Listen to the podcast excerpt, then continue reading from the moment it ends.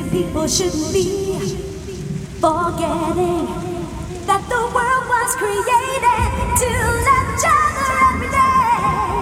Always feeling sorry. Really, people shouldn't be